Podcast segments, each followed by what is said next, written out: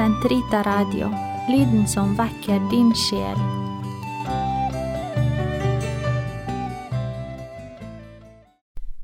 Karmels hage, episode 43 Johannes av Korset Midt i denne adventsnatten feirer Karmel sin største helgen, ved siden av Therese av Avila, Johannes av Korset, og han har festdag den 14. desember. Hvor passende er det ikke at nettopp denne helgenen skulle finne sin festdag i advent? Johannes av Korset, den lille, store mann, vokste opp i fattigdom og nød, som siden valgte fattigdom som sin vei sammen med Jesus, sin Herre og Mester, og som hadde vært med ham hele livet. Kjærlighetens apostel, hans navn faller naturlig inn sammen med evangelisten Johannes. Begge finner et poetisk språk for å formidle Guds storhet og vår nærhet til ham, eller rettere sagt, han nærhet, hans nærhet til oss. I denne ventetiden, i denne stillheten, i dette mørket som senker seg over vårt land akkurat nå i denne tiden, har vi altså Sankt Johannes av Korset med oss. I Karmels hage i fjor, 3. februar, fikk dere en introduksjon til Johannes av Korset. Dere må gjerne høre om igjen på den om dere trenger flere biografiske data om ham. Og jeg håper at dere på et eller annet tidspunkt i deres liv vil begynne å lese hans vakre dikt og de forklaringer han gir til sine dikt, som faktisk alle hans bøker er bygget på. Johannes av Korsets verker er oversatt til mange språk. Kan du lese dem på spansk, er jo det en utrolig vakker gave. Da får du lese dem på hans språk, slik han uttrykte det, helt uten noen andres blikk på teksten. Kan du ikke lese spansk, finnes det mange muligheter, og blant dem har vi Åndelig sang oversatt til norsk på Efrem forlag. Ellers kan du få på svensk alle oversettelsene av hans verker.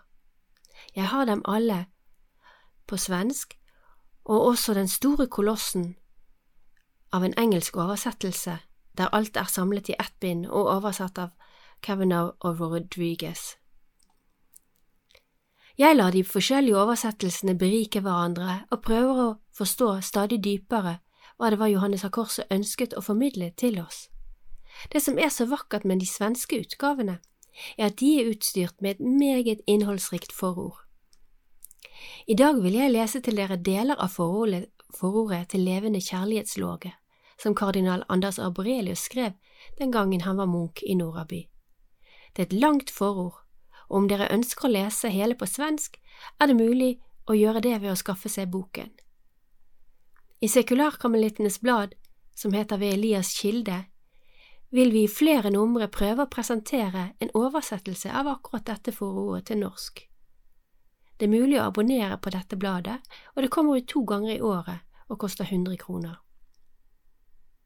Informasjon om dette og anbefalte boktitler ligger også på hjemmesiden til Sankt Rita, under rubrikken Karmels hage. Der finner dere også alle de tidligere programmene i serien.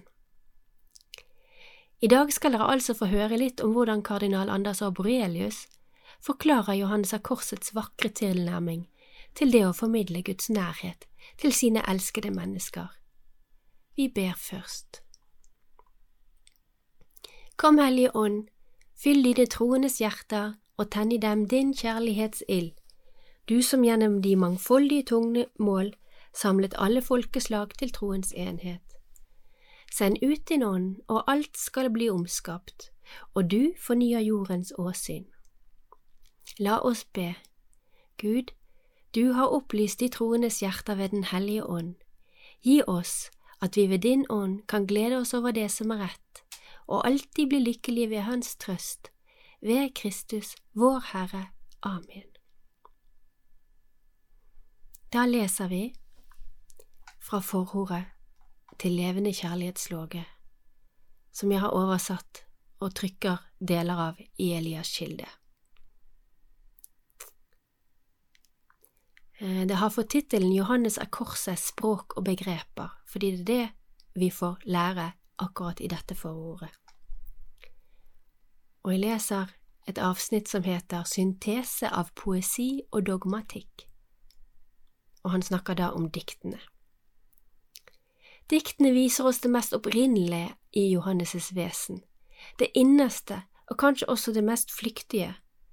Her ser vi hvordan hans poetiske og universelle intuisjon samt hans mesterlige språkbruk inngår i en harmonisk og uoppløselig forening med hans dypt katolske og dogmatiske tro.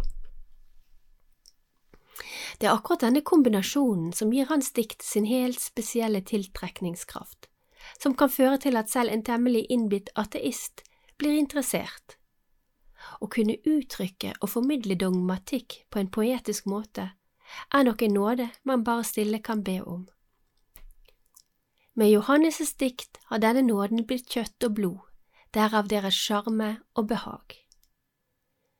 I parentes får man legge til at spansk bruker det samme ord for nåde, sjarme og behag, nemlig gracia. Guds nåde er noe som vekker behag, noe sjarmerende som vi får gratis og bare kan være takknemlige for. Å si gracias er takk på spansk. Det var da morsomt, tenker vi kanskje, vi som synes at nåde burde være noe alvorlig og la Luther, og ikke umiddelbart sjarmerende og lekent. Men det er et faktum at gracia også kan besty lystighet. Et språk som kan vekke alle disse assosiasjonene, må virkelig ha vært en ønskedrøm for en poetisk dogmatiker som Johannes av Korset. Keiser Karl 5 har jo kalt spansk for Guds språk, mens italiensk var diplomatiets og fransk kjærlighetens språk. Johannes av Korset kan i sine dikt, som den språkvirtuos han er, virkelig formidle noe av det gracios, gracila, gratituitet, som gjør dogmatikken lett og ledig, leken og fordøyelig. Spansk er kanskje mer tilpasset dette formålet, mens tysk og de andre germanske språkene kan ha sine fordeler når man vil analysere og spesifisere, utrede og utforske dogmatikkens labyrinter, eller uttrykke en poetisk intuisjon på et eksistensielt sett. Men det er jo nettopp kombinasjonen av poesi og dogmatikk som gir Johannes' dikt sin gåtefulle sjarme og mystiske utstråling. Derfor er det så vanskelig å oversette dem til et annet språk. Noe av den samme syntese og poetiske kraft og dogmatiske skarphet finner vi også i boken Ord av ljus og kjærlek, samt i de øvrige aforismer skrevet av Johannes av Korset. Ordene i seg selv, lys og kjærlighet, rommer stor poetisk utstråling og en dyp dogmatisk tyngde. Gud trer selv inn i vårt liv som lys og kjærlighet, for å meddele dette til oss som en ufortjent, stor nådegave, en gracia som vi får gratis. Samtidig er det vår enestående store livsoppgave som Guds bilde, at vi på vår side utstråler dette lys og gir denne kjærligheten videre på en god måte, altså som gjenskinn av Guds virke i oss. Dette doble perspektiv åpenbares i Johannes' aforismer. Guds uforskyldte nåde og gave, som når sitt høydepunkt, høydepunkt i mystikken, lokker mennesket til medvirkning og aktivitet, som gir seg uttrykk i det vi kaller askese. Det er viktig å ha dette grunnperspektivet foran seg når man leser Johannes' tanker. De er alltid skrevet ut ifra disse forutsetninger. Guds uendelige gave er grunnvollen. Det fruktbare jordsmonnet, der mennesker har som oppgave å hente næring og vokse opp til en vidunderlig blomst, som siden utstråler Guds lys og gir et gjenkjenn av Hans kjærlighet. Denne vekstprosessen, som i sitt utgangspunkt og vesen er gave og nåde, og som leder til mystikk, rommer også et moment av forsakelse, frigjøring og askese. Derfor er det helt naturlig at Johannes, som den gode pedagog han er, nettopp betoner menneskets innsats og askese i sine råd til ulike personer i sine livssituasjoner. Mangt og mye kan synes strengt og krevende for oss, men innimellom trenger vi en besk medisin for at vi skal bli åndelig friske og sunne. Terminologiens askese Når vi hører ordet askese, tenker vi nok rent spontant på pisk og striskjorte. Dette er et typisk eksempel på helt feilaktig assosiasjon, et fenomen som det religiøse språket er spesielt utsatt for. Visst eksisterer det former for askese som anvender slike botsredskap, men i termen askese ligger det i virkeligheten noe helt annet, noe som er både mindre spektakulært og mer krevende. Når den kristne spiritualiteten bruker ordet askese, som kommer fra det greske ordet for øvelse, ønsker den å snakke om menneskets strev etter at Guds plan skal virkeliggjøres i ham eller henne. Hele menneskelivet er underlagt denne synsvinkelen, som er en øvelse i å se Guds vilje i alt, og se med hans øyne på alt, og siden øve seg på å inkarnere Guds vilje og hans synsmåte i alt. Guds evige ord ble kjøtt i Jesus Kristus en gang for alle. Men denne unike inkarnasjon har universelle konsekvenser. Alle er kalt til å øve seg i Jesus sinnelag og levemåte, i alle livets situasjoner, slik at inkarnasjonen følges opp og virkelig blir synlig og påtagelig overalt og alltid. Hvert enkelt menneske, uansett hvor dårlige forutsetninger enn måtte se ut, er faktisk skåret ut til å øve seg i denne inkarnasjonens fortsettelse, og samarbeide med Guds nåde med hele sin frihet og vilje. Alt dette må vi ha i tankene når vi hører ordet askese. Johannes av Korset fanger også opp et annet aspekt av askesen når han snakker om nådens møte med menneskets vilje. I Levende kjærlighetslåge kapittel 3, punkt 25. I kristendommen er det alltid tale om et møte, et fellesskap. Askese er ikke noe mennesket klarer på egen hånd gjennom sin vilje. Bare gjennom å møte Gud og opplyses av Hans lys, gjennom å la seg ledes inn i Hans nærvær og drives av Hans nåde, kan mennesket øve seg på Hans kjærlighet. Kort sagt, askesen krever og roper på mystikk. Til syvende og sist er ingen askese mulig uten mystikk. I kristendommen er alt gave og nåde, noe som siden skaper en gave tilbake, et gjensvar til den opprinnelige gaven, som et ekko, om enn aldri så svakt. Våre kristne liv er i sitt opphav dåpen, gave, nåde, ja, spirende mystikk, og dette frøet må siden få vokse gjennom øvelse, praksis og askese. Innimellom er Guds nåde og menneskets vilje, mystikken og askesen, så sammenflettet at nesten ikke er mulig å skille dem ad. De er som to tvillingsøstre, Martha og Maria, som selv om Bibelen aldri forteller at de var tvillinger, holder sammen i tykt og tynt. Det er kun når de forsøker å skille mellom mitt og ditt, at det oppstår splid og kiv mellom dem, og at det blir litt så som så med fellesskapet, delaktigheten, gjensidigheten, samstemtheten, utvekslingen, fellesskapsforståelsen og kommunikasjonen. Akkurat disse ord og begrep kan til en viss grad fange opp hva det hele dreier seg om. Kommunikasjon, sier Johannes av Korset. For på spansk, Guds språk, har man naturligvis ett ord som dekker hele denne virkeligheten.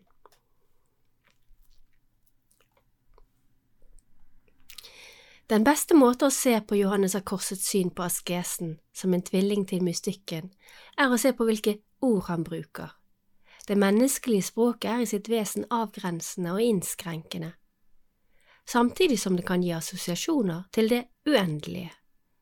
Språket er et uttrykk for menneskets øvelse i å leve, en askese som pålegger oss begrensninger, språkets termer.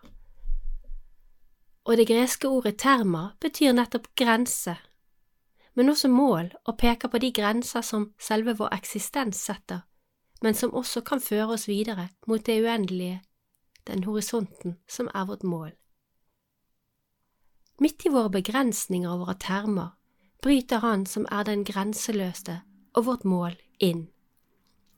Midt i askesen strømmer mystikkene inn.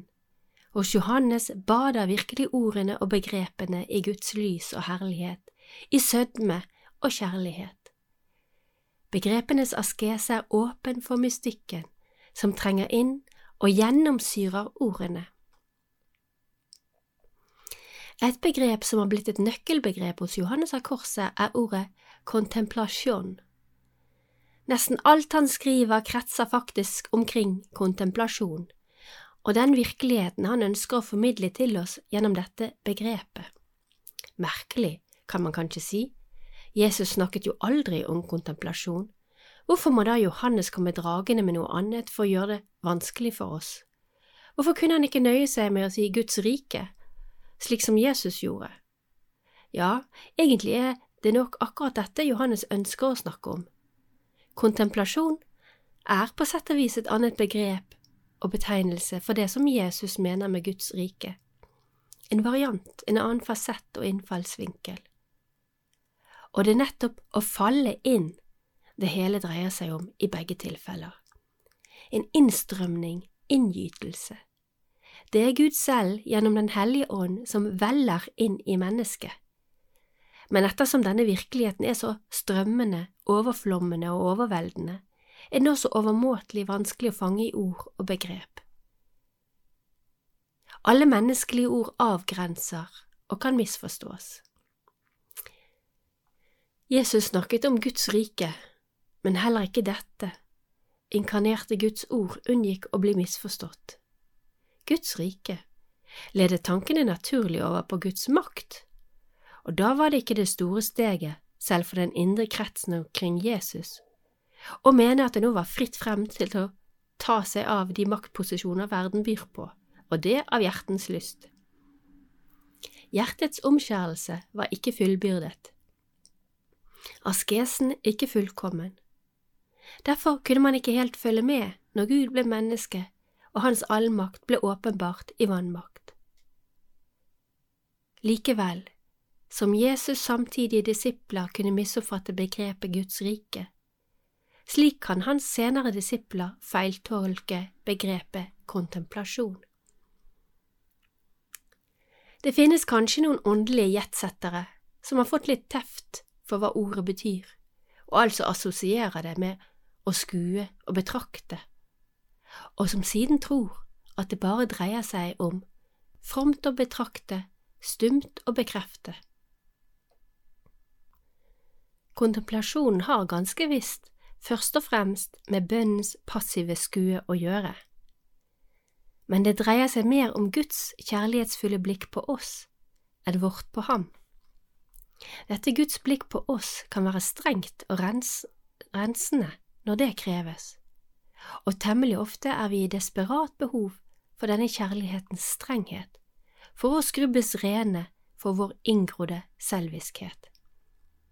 Men allerede dette Guds blikks bakside, for dette er jo noe av det mest forferdelige vårt gamle menneske kan råke ut for, er kontemplasjon, nåde og mystikk.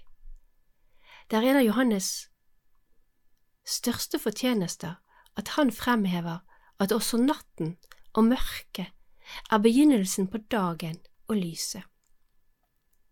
Denne tilvenningsprosess og læreprosess kan være en forferdelig øvelse men i sitt vesen er den ett med kontemplasjonens forherligende gave.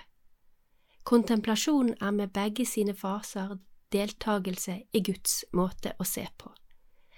Man lærer seg å se på alt med Guds blikk, og oppdager at den elskede er med i alt som hender, og at han er kjernen og i hermetegn innmaten i alt som møter oss.